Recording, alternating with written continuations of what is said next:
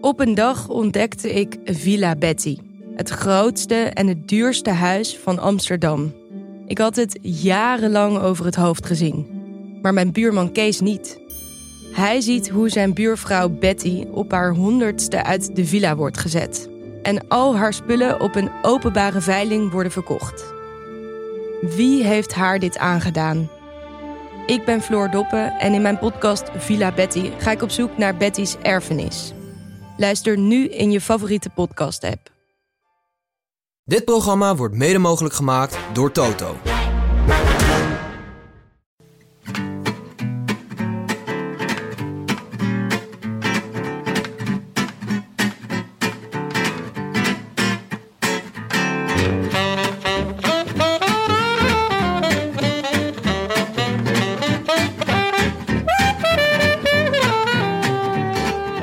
Het is maandag 16 juli 2017, de tweede rustdag in de Tour de France. En die hadden we nodig hoor, na alle vreugdeborrels van gisteren. Mijn naam is Tim de Gier, tegenover mij zit Willem Dudok. Vanaf onze denkbeeldige TVM Mossel Party in Amsterdam-West is dit de Rode Lantaarn, de wielerpodcast van Het is Koers.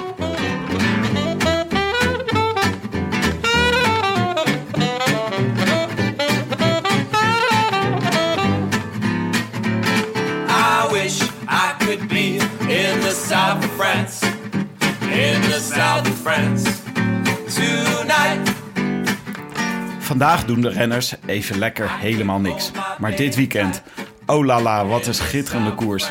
De mannen van Team Sunweb lachten twee keer in een knuisje. Eerst met Barguil en toen met Matthews. En wij juichten al zachtjes mee met alle Hollandse knechten in die ploeg. Maar toen moest het hoofdgerecht nog komen. De rit van zondag zou nog 30 kilometer duren toen de kromme van Zuidhoorn de benen nam. Hij nam 10 seconden, hij nam 20 seconden, het werd een minuut en toen weer 30 seconden. Bij 11 seconden knepen wij met onze bilpartij samen op de bank. Maar het tempo bleef erin en onze man bleef maar stoempen. En toen het vod, de voorsprong, de opluchting, de zegen en de bloemen voor de grootste Groninger. Mag ik dat zo zeggen? Natuurlijk mag dat. Bauke Mollema.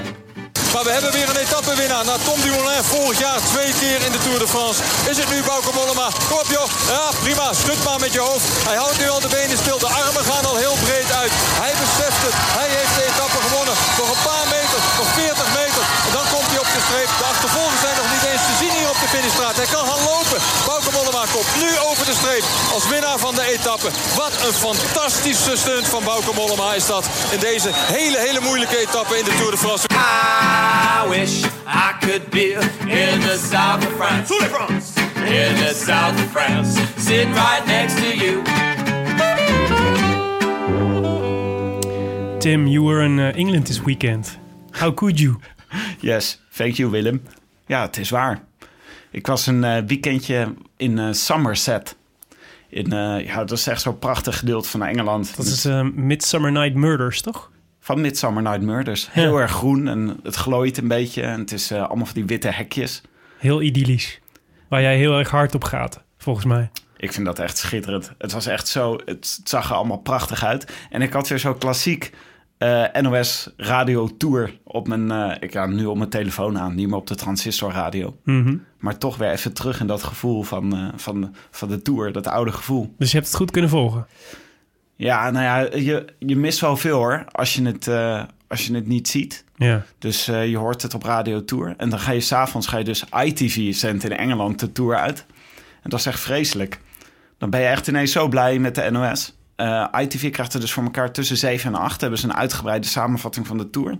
Met wel 10 reclameblokken erin. ja, echt verschrikkelijk. Een soort Eurosport eh on steroids. Ja. Ja. En daarom hebben ze natuurlijk heel veel geld. Al die Engelse sporten.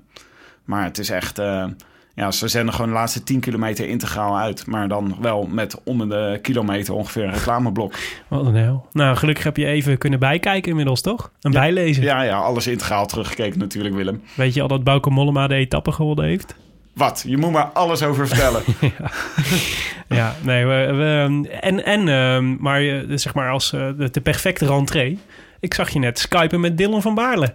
Gewoon op jouw bank. Ja, ik Hier in dacht, eh, Amsterdam-West. Ik moet toch even vragen wat er eh, allemaal gebeurd is en hoe het er nu voor staat. De vriend van de show. Vriend Dylan van. Baarle. Zullen we gelijk even naar hem luisteren? Ja, zet hem meteen maar even aan. Hoe sta je ervoor? Ja, relaxed. Wat ben je aan het doen? Ja, ik was even op de kamer, eventjes eh, voor bed aan het liggen, even muziek aan het luisteren. En je voelt je goed? Ja. Ja, ik voel me best wel, eh, best wel prima eigenlijk. Ter, eh, beter dan de afgelopen twee jaar. Betere derde Ja. week dan de afgelopen twee jaar. Eh nou, tweede week, hè. Tweede. Ja, oké. Ja, je, Moet, maar nog, moet er nog de derde week, hè. is, je, is, je, is je uithoudingsvermogen sterker geworden? Ik denk het, ja. Ik ben gewoon een jaartje ouder, denk ik. Dus eh, dan, eh, dan gaat alles ietsje makkelijker. Ja, precies. Oh ja, dat, hoor, dat zeggen ze vaak, hè? Maar als je ouder Ja. wordt, dan hou je het langer vol. Ja, ja, ja, ja, ja, dus ja, dat is wel lekker. En eh, was je gisteren eh, was je ook zo blij voor Bauke Mollema? Ja, tuurlijk. Ik, eh, ik ken Bouke, Bouke ook wel. En ja, het is, het is wel super gaaf dat hij dat hij, dat hij die rit hier wint. Ja. Ehm, ja, ik ben zeker ook blij voor hem. Zeker weten. Hoe gaat dat dan? Heb je hem een, heb je een WhatsAppje gestuurd? Nee, ja, kijk, weet je, hij krijgt waarschijnlijk zoveel WhatsAppjes. Dan, eh, ik ga morgen naar hem toe en dan feliciteer ik hem wel eventjes, ja. Oh ja, dan even naast hem fietsen of zo. Ja, of even voor de start. eh ligt eraan eh, een beetje hoe het moment is, zeg maar. Ah ja, oké. En eh, wij waren heel erg benieuwd, want we zaten er net over te praten. Is je rol nou veranderd nu het zo goed gaat met Oeran? Ehm, nou ja, in, in dat opzicht mag ik nog steeds wel mijn eigen kans gaan. Maar ehm, tuurlijk, eh, als, als, als die eigen kans net zoals gisteren niet lukt, dan eh, moet ik me natuurlijk wel gewoon weer wegcijferen voor Oran. Ja, want klopt het dat je al een paar keer moest eh, terugzakken? Voor- Ehm, nee, nou, net zoals gisteren werd ik dus gelost uit de kopgroep. En nou ja, dan is het niet echt meer de moeite waard om volle bak door te rijden. En ehm, daarbij, eh, toen vroeg de ploeg van, eh, of toen zei de ploeg dat ik, eh, dat ik, dat ik bovenop de eerste categorie klim moest stoppen. En dat heb ik gedaan, heb ik even, even een sanitaire stop gedaan. bidonnetjes gepakt, wat gels in mijn zak gedaan en toen kwam er ander al aan. Dus ja, toen deed ik mijn andere job weer. Lag hij precies één plaspauze achter je? Nou, wel iets meer. Ik, eh, ik, eerst heb ik even stilgestaan. Toen dacht ik, zou ik eh, plassen? Zou ik niet plassen? Nou, toen ben ik weer gaan plassen. En toen eh, heb ik nog wel bidonnen gepakt. Dus ja, ik weet niet precies hoeveel het was. Maar ik heb het niet bijgehouden. En het is, het is een beetje een enigma voor ons. Wij, vorige keer zei jij in het gesprek zei je van, nou ja, waarom zou die, als hij goed is, waarom zou hij niet het podium kunnen rijden? Maar nu een week later is de vraag misschien wel, denk je dat hij hem kan winnen? Ehm, ja, dan moet het wel eh, gek gaan lopen in die, eh, in die twee Alpenritten. Ehm, Ah, ja. dat gezegd eh, te hebben dat, dat hij een, ja, hij heeft een goede tijdrit, maar hij is niet sterk genoeg om Vroom, Vroom, Vroom te verslaan. Dus dan zou hij al wel een voorsprong moeten hebben op Vroom. Eh, dus ik denk dat het podium realistischer is. ja. Maar je weet natuurlijk nooit wat er kan gebeuren. Ik bedoel, gisteren rijdt hij ook op een heel, heel slecht moment lek. Nou, dan komt hij wel nog terug. Maar als dat bijvoorbeeld op de Calibier gebeurt en eh, hij heeft geen ploegmaat in de buurt, ja, ja. ja, het kan van alles gebeuren natuurlijk. Hebben, jullie een, eh, hebben jullie al een strategie uitgestippeld voor de derde week? Is het, is het aangepast? Nou, eigenlijk eh, wordt, wordt de strategie voor de etappe pas bepaald. Of tenminste, misschien hebben ze die strategie al wel bedacht. Maar we krijgen per etappe eh, pas te horen wat, ons, eh, ja, wat onze strategie is. Ah ja, dus nu zijn de ploegleiders gewoon even onderling dat aan het, eh, aan het uitstippelen waarschijnlijk. Ja, ja, dat denk ik wel. Dat denk ik wel. En ook een heugelijk moment vanochtend eh lazen wij dat eh, Campina groots instapt in de wielersport. Ja, ja, ik zag het, inderdaad. Wat, eh, wat ver- verwacht jij daar nog iets eh, speciaals van? Is dat een grote impuls voor de Nederlandse wielersport? Ehm, eh, nou ja, ik hoop wel eh, dat het. eh, dat- tuurlijk is het een, eh, een, goede sponsor die, eh, die, die Lotte Jumbo komt versterken. En ik denk wel dat het eh, zijn voordelen heeft voor, eh, voor hun, dat zeker weten. Ehm, Ja. ja, ik, ik, ik eh, had al eh, altijd Campina, dus eh, ik ga ik niet extra, eh, ga ik niet extra, extra kopen. Je gaat niet extra eh, Campina kwark kopen. Nee, nee, nee, nee, nee. Dus dat, eh, dat koop ik al. Dus, eh. Hoe komt het eigenlijk dat jij... eh, waarom rij jij niet voor een eh, Nederlandse ploeg? Ja, dat is een goede vraag. Nee, ja, ik. eh, de afgelopen vier jaar heb ik het eh, best wel naar mijn zin gehad in, eh, in deze buitenlandse ploeg. Ben ik misschien een beetje onder de radar gebleven. En eh, ja, dat, heeft me wel, eh, denk ik, gebracht waar ik nu ben.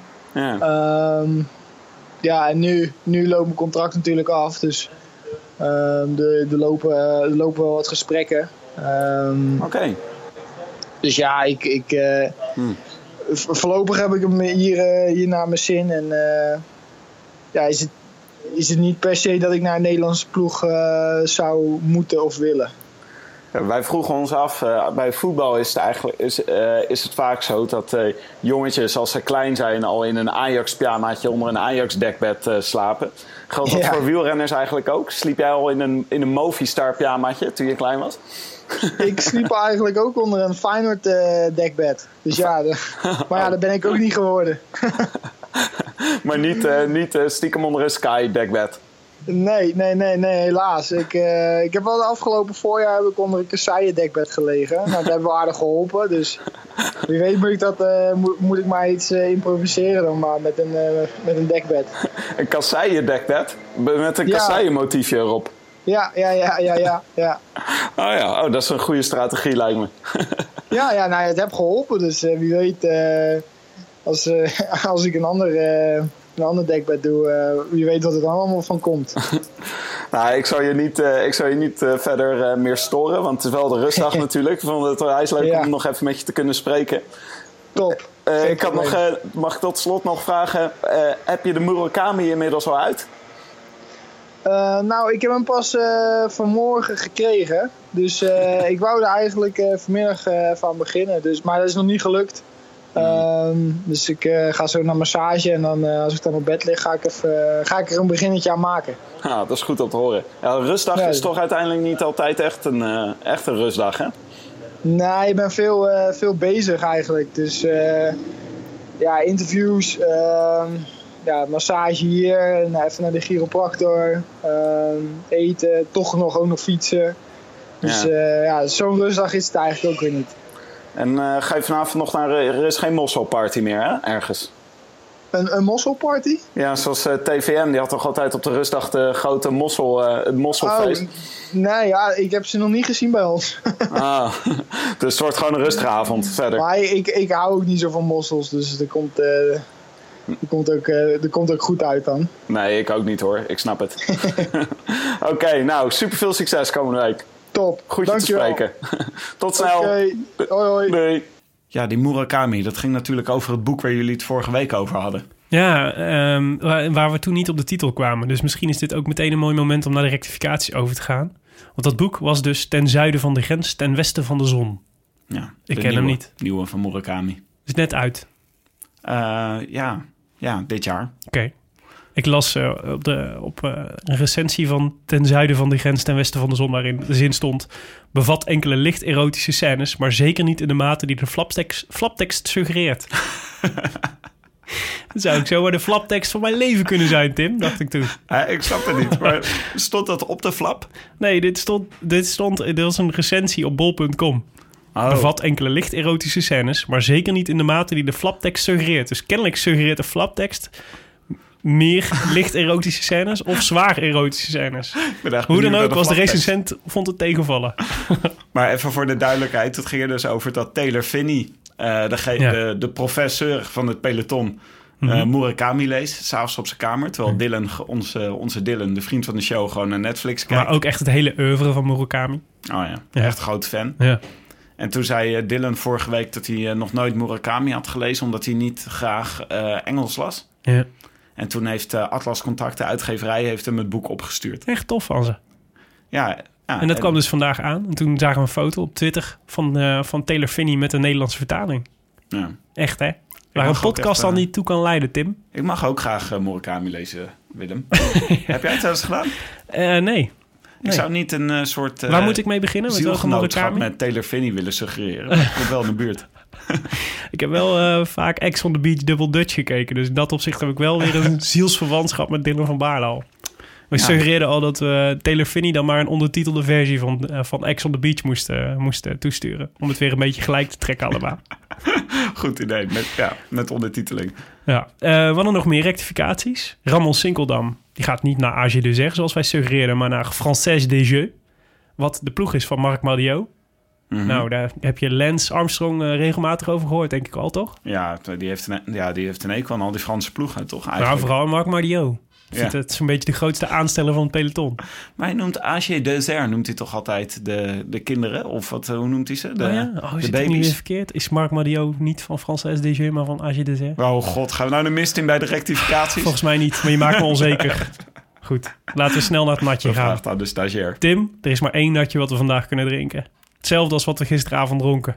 Shampoopel. Schenk er maar in. God, wat is laat geworden, hè? Ja, Ja, dat heb ik dus ook moeten missen. bouken, bouken, bouken. 30 Zullen we het, kilometer eh, lang. Laten we het vandaag zo doen. Ik heb dus heel veel gemist. Ik weet Mhm. een beetje de feiten, dus die kan ik eh, gerust herhalen. Ja. Maar dan moet jij zeggen wat er echt gebeurd is. Oké, dan want, moet, ik het eh, in- moet ik het inkleuren. Ik heb, jij, moet, jij moet het inkleuren. En dat is goed. Want ja, Bouke, dat was natuurlijk het, hoogtepunt, het Ja. hoogtepunt van het weekend. Ja. Van de Tour. Toch een Nederlandse Tourwinnaar. Ja, ja, ja. Een uh, Tour-etappenwinnaar. ja, we hadden er alweer eh, weer een jaar op moeten wachten, hè? Na Tom Dumoulin. Ja, ik, eh, moest me ineens, ik moest ineens terugdenken aan ons gesprek met eh, Bert Wagendorp. Toen eh, hadden, zaten we nog te speculeren over etappen, Nederlandse etappenwinnaars. Ja. Dit is wat we daar toen over zeiden. En eh, we zijn trouwens één Nederland, belangrijke Nederlander natuurlijk vergeten. Timo. Rozen. Eh, Timo Rozen. Maar nee, Bauke Mollema. Is dat niet een eh, potentiële etappenwinnaar? Ja, hij, moet, ja, hij hangt Ja, vanaf die- van Contador, toch? Ja, die is eh, volledig in dienst van Contador. Ja. denk Hij dat zit die- wel mee nu met de ontsnapping. Ja, ja, ja. Maar als vooruitgeschoven maar als, pion. als brug, ja, precies. Het, eh, ik, ik, ik zie het niet gebeuren. Hij, die heeft ook in de Giro zo afgezien. En dan zie je toch wel dat het...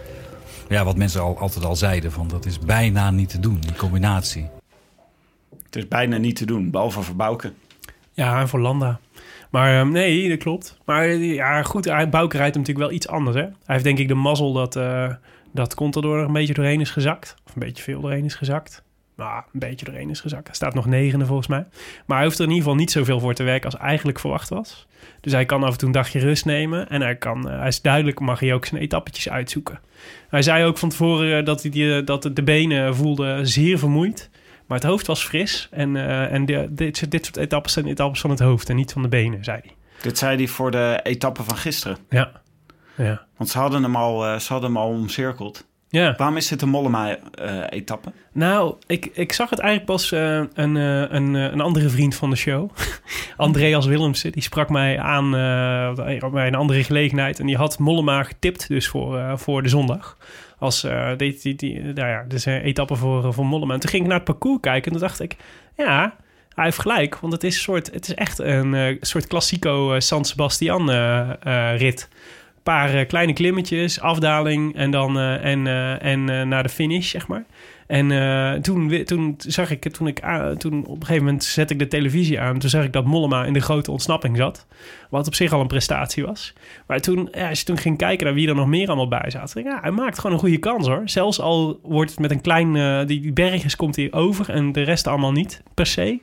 Zo makkelijk. Er zaten natuurlijk Bargiel en zo bij die wel rennen. Maar zelfs tegen Bargiel zou ik hem wel willen zien sprinten. Want dat kan hij, had hij ook nog gekund. Maar dit was natuurlijk echt eh, fenomenaal. Gewoon op 30 kilometer voor de meet eh, aangaan en, eh, en het volhouden. Het, is Ja. echt, het was echt indrukwekkend, Tim. Je, je had, ik bedoel, het was die, we hadden het net over de voorsprong die, die van, van eh 10 seconden naar een minuut opliep. Maar hij reed, er reden ook echt klasbakken achter hem. En die kwamen er gewoon niet bij. Hij en hij ging echt, hij gooide er alles in. Alles Mhm. van dit soort, nou, dat, is- dat, was, dat was een machtig beeld. Maar Mollema kan beter, denk ik, dan types als Krijk van de Avermaat over dat soort berghenen. Die kan net iets Ja. meer...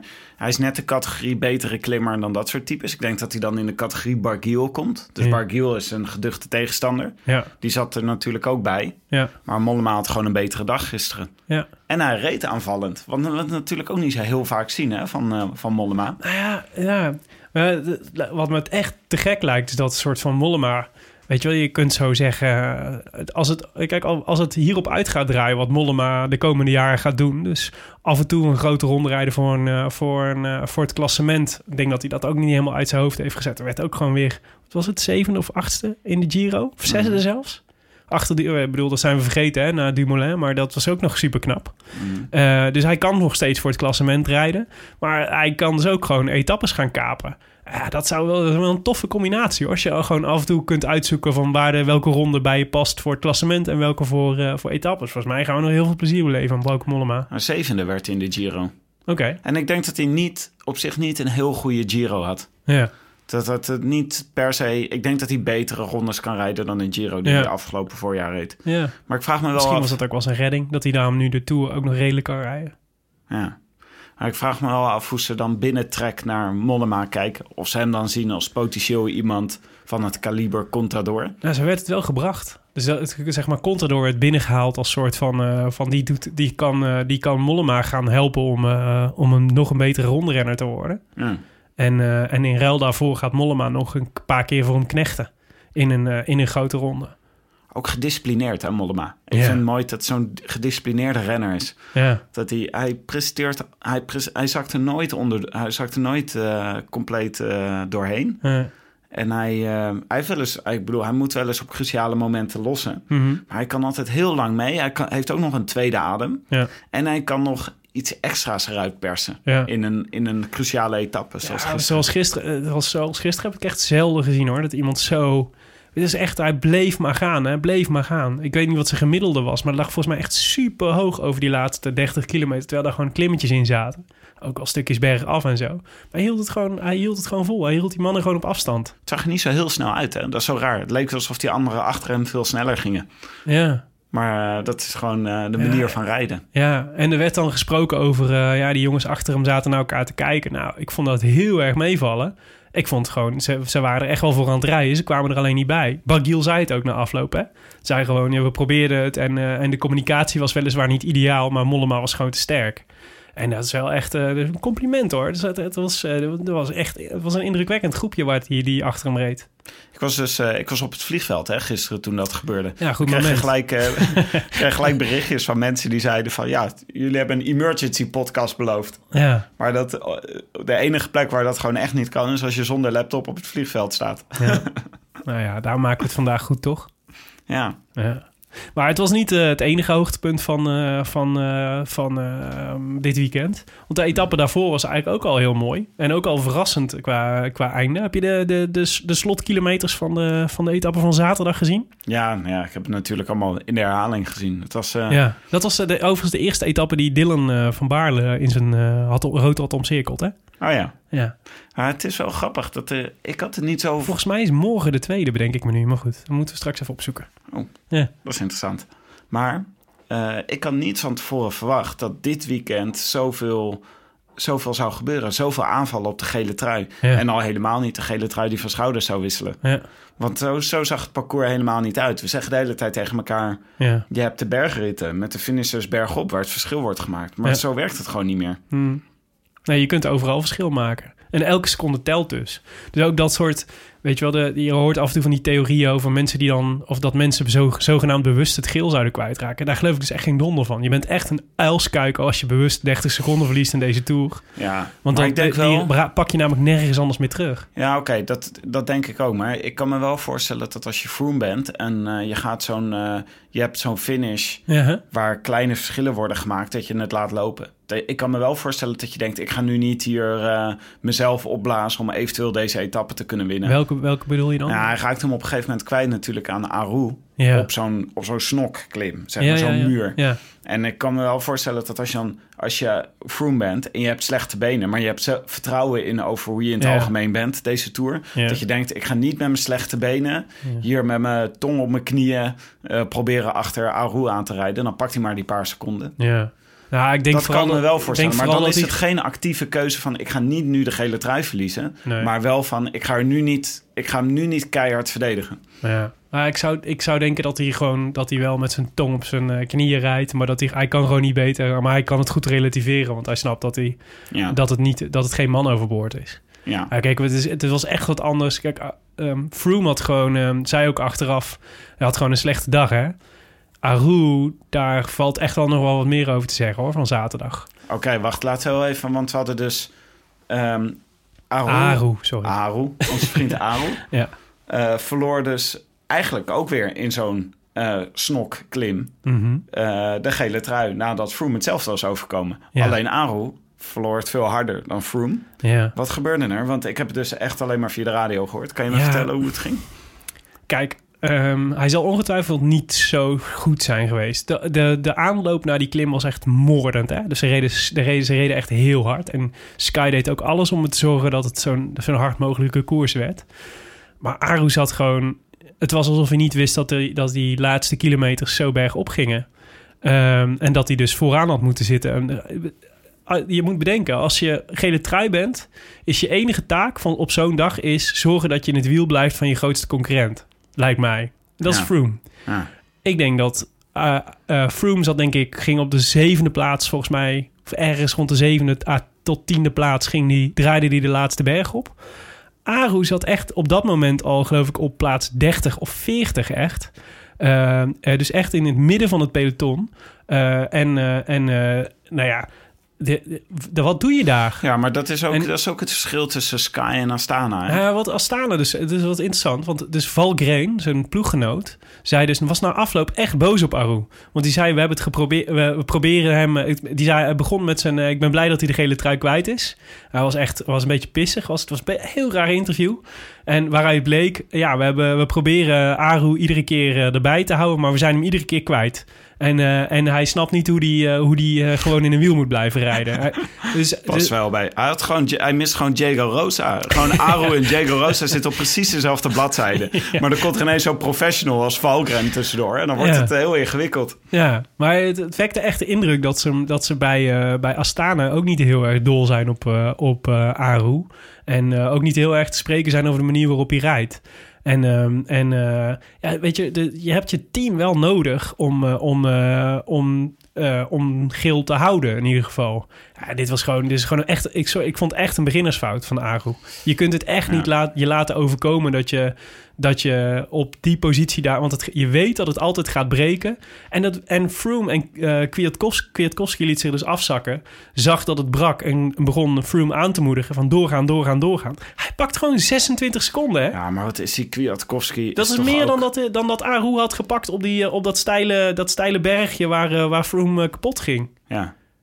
Ja, nee, dat is waar. Maar het, is, ik, zou natuurlijk ook kunnen dat hij gewoon niet, dat hij niet in het wiel van zijn teamgenoten kon blijven. Het hoeft niet per se, zeg maar, een domme strategische keuze te zijn. Het kan ook gewoon zo dat Ja. het hem niet lukt om op de goede plek te Ja, te komen. ja, dat hij niet goed Maar- genoeg was. Ja, maar, maar ik denk eerlijk gezegd, types- ik denk echt dat het een combinatie van, van die twee is. Want wat Froome niet was overkomen, was dat hij met slechte benen halverwege het peloton had gezeten als er zo'n belangrijke klim aankomt. Weet je, Ja. dan kun je in ieder geval, als je, als je vooraan begint, dan kun je nog terugzakken, zeg maar. Ik bedoel, hij, het enige wat er bij hem, hij komen constant renners vallen er terug, waardoor het super ingewikkeld wordt om überhaupt nog naar voren te komen. Als je al slechte benen hebt, moet je Ja, juist ja. vooraan zitten. Maar, de, ja, maar wat een geweldenaar is Kwiatkowski, deze Tour voor Ja. Froome.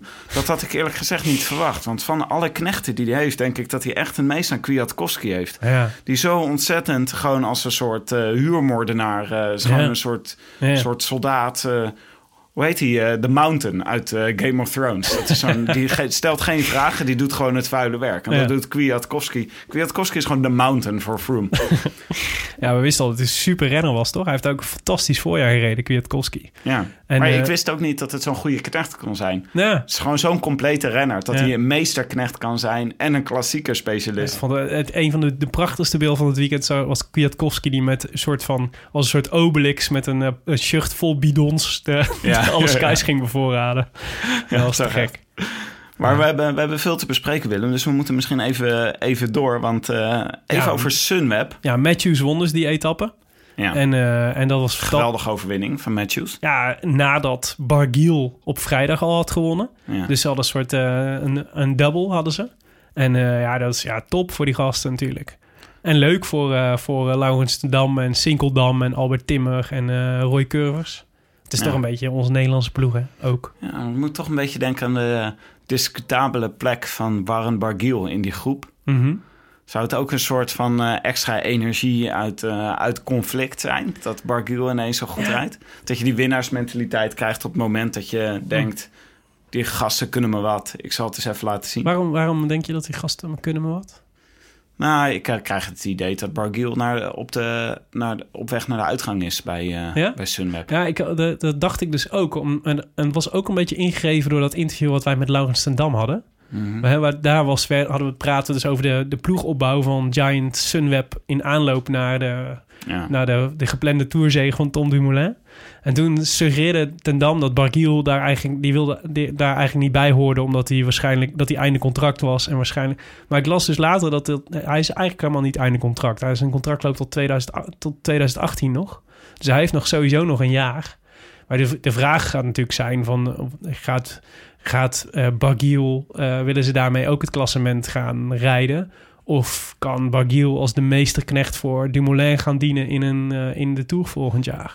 Ja, ik weet niet, psychologie van de koude grond, maar ik vind Bargiel niet echt als een niet echt het type knecht. Ik vind hem Ja. eerder een soort Veuclair dan een soort, eh, Ja, maar, dan een soort Kwiatkowski. maar ja, laat hem lekker drie weken eh, dan een andere rol spelen. Maar het is wel iemand die in het hooggebergte mee kan. En, eh, en iemand, ik bedoel, hij wordt nu gewoon, hij gaat de bergtrui winnen. Ja, Dus hij kan het wel. Het is een ideale knecht voor. eh, veel weg van Virank, vind je niet? eh, Qua type. ja, niet qua, niet, niet qua dopinggedrag. ik zou dat niemand willen aanwrijven. Nou ja, ik, ik hield wel van eh Virank hoor. Vond van het Laurent. Brochard heeft hij.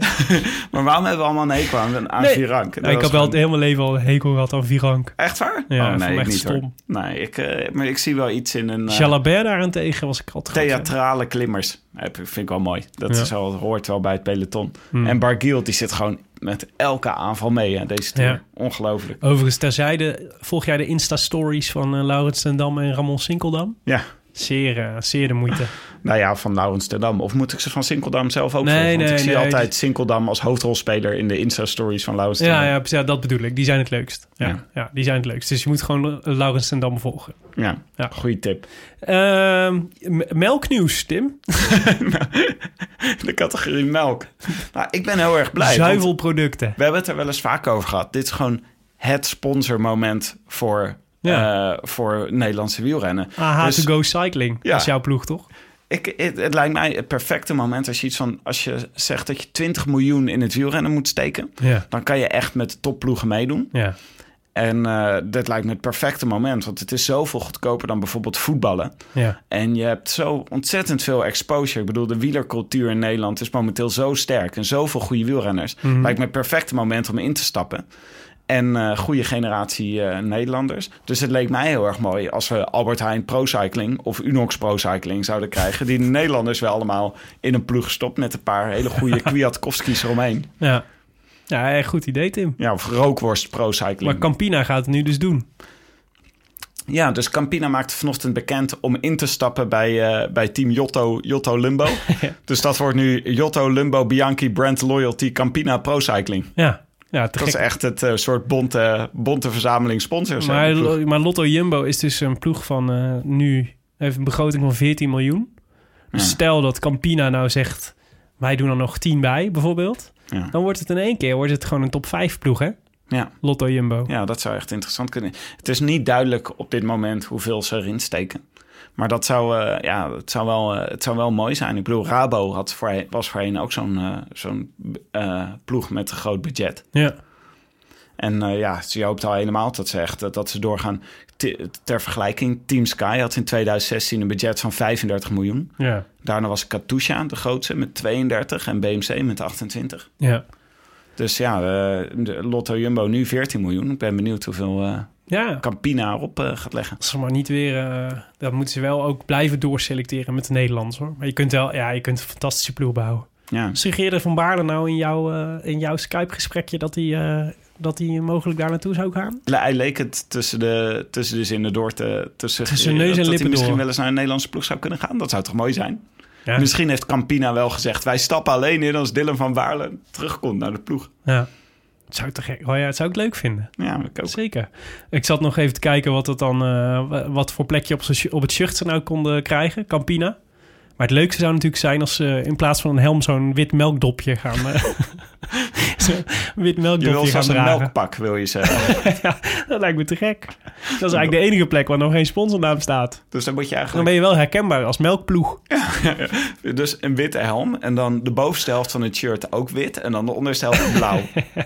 en dan eventueel met een koe er ook op. Ja, supergoed idee. Dat is echt... Ik denk sowieso dat je een lelijk shirtje moet nemen. Want lelijke shirtjes die blijven veel langer hangen dan mooie shirtjes. Nou eh, ja, behalve dan... dat- Ik, dat, ik, je kunt veel zeggen over Sky, maar ik vind het wel echt een eh, schitterend Maar het pak. zou, ik zou er niet over pijns om in een shirtje van eh, Sky te gaan rijden. Terwijl Kelme, als ik zodra ik een shirtje van Kelme te pakken krijg, dan, dan trek ik hem niet meer uit. Hm, Oké. Tim, laten we even vooruitblikken naar de rest van de week. Wat gaat er toch allemaal gebeuren? Ja, ik ben wel benieuwd ook hoe, Hoe gaat zich dit ontwikkelen? Ja. Ik ben wel benieuwd naar het koninklijke drama bij Sky tussen eh, Landa en Froome. Ja. Want vorige uitzending zeiden we van, ja, forget it Landa, dat is, eh, Mhm. dat is geen echte contender. Nee. Maar eh, nou ja, afgelopen weekend zat hij wel heel goed steeds erbij hoor. Nou, hij is heel sterk. Hij is maar het heel leek er, ja, maar ja, hij is heel sterk. En ik maak meteen de aantekening, ja, hij is heel sterk. Maar de, de, hij heeft ook de Giro gereden. Dus het lijkt me sterk dat hij de derde week nog zo sterk is als hij deze afgelopen twee weken was. Ja, zou ik echt, dat zou, ik bedoel, het zou een topprestatie zijn. Ik ga daar, dat zeg ik echt zonder enige bijbedoelingen. Maar het zou een topprestatie zijn, maar ik, dat lijkt me echt, daar lijkt me een beetje veel van het goede. Dus, en eerlijk gezegd dacht ik het zaterdag ook. Wow, Landa wordt echt, zou zomaar echt een gevaar kunnen worden. Eh, maar ik, zondag had Froome echt de orde al wel weer hersteld hoor. ja. En moest Landa gewoon keurig werken. En had hij, hij heeft altijd een paar, Froome had een paar van die momentjes dat hij even naast hem ging rijden en ging vertellen wat er moest gebeuren. Toen dacht ik, ja, dit is dus hoe je, dit is hoe je het speelt als je, ja. als je de patroon bent en, eh, en zegt, eh, ja, allemaal leuk en aardig, leuk gespeeld. Nu rij je weer voor mij. ja. Dus, ehm, Maar het is. ehm, ik kan me niet voorstellen dat binnen Sky, zo'n georganiseerde ploeg, dat ze het echt laten gebeuren dat Landa en Froome ruzie krijgen en daardoor in de problemen geraken in de derde week. Maar ik denk ook nog steeds dat Froome gewoon beter is dan Landa. Ja. Want ik vind ook dat hij in hoe hij tot nu toe rijdt, dat Froome gewoon beter is. Want Froome zit in een hele andere rol. Ja, Ja. Landa die kan natuurlijk onverwacht eh, als knecht super lang meegaan. ja, precies. Maar Froome is de hele tijd aan het verdedigen. En iedereen is tegen Froome aan het rijden. ja, En die, ik vind dat hij tot nu toe glorieus verdedigt. Want eh, vind ik ook. hij is wel een paar keer in de problemen geweest. Maar tot nu toe is hij vooral strategisch Ja, en eh, tactisch is hij sterker dan de rest. ja. Hij heeft wel veel pech. Ook alweer een lekke band of eh, een, ja. Ja. een lekke band op het verkeerde moment. En een mechaan en schakelprobleem op het verkeerde moment. En Weet je, dat, dat is best wel... eh, Ja. Hm. Armstrong vond het heel raar in zijn podcast. Die zei, het zou mij nooit overkomen. Sterker nog, hij zei, het is mij nooit overkomen in al die jaren. Ik heb één keer eh, mechanisch Ja. pech gehad. Ja, het is een beetje de vraag waar het aan ligt. Hè? Of, dat het, of dat het materiaal is, of dat, eh, of dat het ehm, aan hem zelf ligt. Dat hij iets geks doet met zijn fiets of zo. Ja. Kan ook gewoon, ja, het kan Dat natuurlijk ook hard, gewoon pech zijn. harde klappen maakt. Maar eh. goed, geen pech hebben hoort ook bij de koers. Of dat je zo, weet je wel, als je vroeger, als je dan zo'n, eh, als je een heuvel opreed en je Mhm. ging midden op die heuvel, ging je schakelen, dan maak je zo'n hele harde klap op je tandwielen. Misschien doet Froome dat de hele tijd. Ja, dat zou kunnen. Ja. Dat hij daarmee zijn fiets kapot Ja, het is niet zo heel gek om te denken dat, dat sommige renners zijn toch eh, gaan, eh, die zijn, die zijn gaan slimmer en beter met hun materiaal dan anderen. Ja. Dus ik bedoel, ja, schaak, goed schakelen moet je ook leren. Ik kan dat ook nog steeds niet. Ter, ter volledige transparantie. ja, ja, maar goed. Maar, maar wie, eh, we, we, dus de, voor jou komende week nog steeds Froome als, eh, als de grote de te kloppen man? Froome, Froome is zijn absoluut favoriet, nog steeds. Ook al staat het dicht bij elkaar, dat vind ik wel heel erg spannend. Ja, Je, je zou best een keer een dramatische etappe kunnen krijgen dat Froome er echt af moet. ja. Gewoon bij het groepje. ja, het kan natuurlijk. Dus, dus de, de, het staan zo dicht bij elkaar dat één lekke band echt het verschil kan maken. Ja, en wie zie, wie, wie zie je dan als, wie zie je als grootste contender? Ehm, Uitdager, laat ik het gewoon uitdager noemen. Ja. ja, toch Bardet hoor. Ja. Ja, ik vind Bardet gewoon echt, ster- echt sterk rijden. En ik vond zijn- ploeg verrassend sterk, toch? Eigenlijk. En ehm, ja, dus ik denk dat Bardet voor echt, eh, echt, eh, echt de tweede gaat worden. Ik denk dat Aru, hmm, ja. die zou wel eens weg kunnen vallen in de komende, in de komende dagen. Ehm, dus als ik nu eens voor een podium zou moeten gaan, dan zou ik zeggen 1 Froome, 2 Bardet, 3 Oeran. Oran, ja? Ja. Ik verwacht ook nog wel veel Ja, van... vooral omdat eh, hij zo taai is. Ik, ik zie niet zo goed waar je Oerander makkelijk afkrijgt. Nee. Nee, en tot nu toe is hij, is, zit hij geen één keer in een probleem, hè? Nee, Oran. en, zij, en hij is natuurlijk... Oran, Oran, Oran. Hij, gaat natuurlijk, hij snapt natuurlijk zelf ook wel dat hij niet gaat winnen. Dus hij gaat echt van podium rijden. Bardet, ik hoop dat hij echt Froome nog gaat uitdagen. Ja, Aru, ik vond dat, ik vond dat zaterdag wel... Of dat, ja, die etappe van zaterdag vond ik echt wel veelzeggend eigenlijk. Eh, in de zin van, je bent niet zo goed... Je, je hebt echt wel zwakke dagen. en Je bent niet scherp en je hebt niet... eh, eh, je, je, er zit iets... Nou, wisten we al natuurlijk structureel mis bij Astana. Er zit een draadje los bij Aru. Ja, precies. En niemand mag je, dus niemand gaat je ook helpen. Ja, dat is er ook. Zelfs, zelfs Valkreen niet. Ja, dus ik, dat wordt, zou mijn top 3 zijn. En de jouwe? Ja, ik, maar ja, ik verwacht toch dat de top drie uiteindelijk eh Froome en eh, Bardet en Aru wordt. Maar ik hoop heel erg dat Dan Martin er ook tussen komt. Ja, dat oh, ik heb zoveel sympathie voor Dan Martin. Helemaal toen hij als een eh, hoogbejaard mannetje van zijn fiets afkwam. Dat was fantastisch. Afgelopen week. Dat was echt fantastisch. Toen dacht ik, die man die is gewoon... Dat, die perst zoveel uit zijn lichaam. Dat is echt... Ja, zijn rug stond hetzelfde als zijn neus toen ineens. ja. ja, ik vind ook gewoon een, een ier tussen alle Italiaan, al het Italiaanse en al het Sky geweld. Dat vind Ja. ik wel geweldig. Ja, absoluut. Dus ik hoop het. Tim, morgen gaan we van Le Puy-en-Velay naar Romans-sur-Isère. Rom. Romans-sur-Isère. Ehm etappe van 165 kilometer. Eh, Een paar klimmetjes in het begin. Eigenlijk stelt weinig voor. Derde, vierde categorie. En dan bergaf, een beetje heuvelachtig naar de, naar de finish. Ja, glazen bulcup. Zeg het maar. Glazen Bilcup. Glazen bilcup. Glazen Bilcup. Eh ja, het zal wel sprint worden, toch? Gewoon de laatste 40 kilometer gaan gewoon de sprintploegen Ja. het kopgroepje inhalen. Dus eh, ik hoop heel erg eh, dat de Gorilla, die is net 35 geworden, Grijpel. Mhm. Ik hoop heel erg dat Grijpel nog eentje pakt. Oké. Dus ik zeg gewoon Grijpel. Ja. ja, ik denk dat, dat, we, dat we Sinkeldam weer de hele koers op kop zien. En ehm, ja, het zou... het- Kijk, eh, Kittel zou logisch zijn, maar ik denk dat Matthews echt, de, echt, eh, echt een ehm, flink moraal heeft gekregen van, de afgelopen, van zijn af, overwinning afgelopen zaterdag. Ja. Dus ik ga nog een keer van Matthews. Oké, mooi Willem. Als je mee wil doen, eh Glazen Bol Cup, hashtag en hashtag Rode Lantaarn. En, eh, en eh, voor de winnaar ligt er een eh, Lucien, uitroepteken, boek klaar. Mede mogelijk ma- gemaakt door uitgeverij Lano. Het is een van onze laatste exemplaren. Ja, we zijn er doorheen. Ja, woensdag geven we iets anders leuks weg. Ga Ah. ik vast eh, verklappen. Nou, leuk. Mhm. Leuke cliffhanger. Zeker. Dit was het voor vandaag, eh, de Rode Lantaarn. We zijn er aanstaande woensdag weer. Dan met de bevallige Nienke de Jong aan onze zijde. Die ons natuurlijk genadeloos gaat outshinen. Want zo rolt Nienke. Het Ja, ja, dat hebben we vorig jaar ook meegemaakt. Ja. ja, kan Nienke niet altijd meedoen? We kregen toen nog een soort commentaar. Ja, en vervolgens hebben we nooit meer iets over haar gezegd. Uit ons leven gebannen. maar goed, die schuift eh, woensdag aan. We hebben er zin in, Nienke. U luisterde naar de nou ja, Rode Lantaarn, gepresenteerd en geproduceerd door uw favoriete bankzitters. Stevens uh, Mossel Partygoers, Tim de Gier en mijzelf, Willem Dudok. Met dank aan hetiskoers.nl, de wielerblog van Nederland en Vlaanderen. En dank aan het Nederlandse podcastnetwerk Dag en Nacht Media voor de ondersteuning. Als je wil reageren op de uitzending, heel graag. Via Twitter zijn we te bereiken via Willem Dudok en Tim de Gier. En als je je abonneert op iTunes, ehm, laat daar dan ook even een reviewtje achter. Uh, want dat is leuk, want dat helpt andere mensen namelijk om de podcast te ontdekken. En dat vinden wij weer leuk, want hoe meer luisteraars, hoe meer vreugd. Tim, hebben wij nog een recensie om voor te lezen? Ja, we kregen een heel leuk e-mailtje. Oh. Klap ik totaal uit, uh, uit de school hiermee. Hmm. Maar uh, Camille, ik zal niet zijn achternaam noemen wegens privacy... Uh, die e-mailde naar ons. Ik heb geen iTunes-account om reviews mee achter te laten. Maar ik wil je laten weten dat ik de Rode Lantaarn absoluut 5 sterren geef. Al neig ik naar een sterren aftrek. Wegens het propageren van de onmogelijk falsificeerbare poeptheorie. Waarvoor dank, Willem. Ster aftrek. de hoogtepunt van de uitzending is wat uh, Camille betreft de toewijding waarmee wij Niebe uitspreken. Nieve. Niebe. Niebe. Net als uh, Smeets en Nelissen vroeger afwisselden tussen Abdu Shaparov en Abdu Shaparov. Uh, en uh, eigenlijk, uh, hij zei ook, hij kreeg nog een mailtje achteraan. En toen zei hij, ja, als we dan dit doorzetten, als we het over Niebe en Balberde hebben... dan moeten we het ook hebben over Mobistar. Mobistar. Dus dat gaan we doen voortaan, Mobistar. Okay. Mooi, Tim. Mooie, Tot de volgende keer. Tot recensie. woensdag met Nienke. Ja. A biento. A biento. Just being here without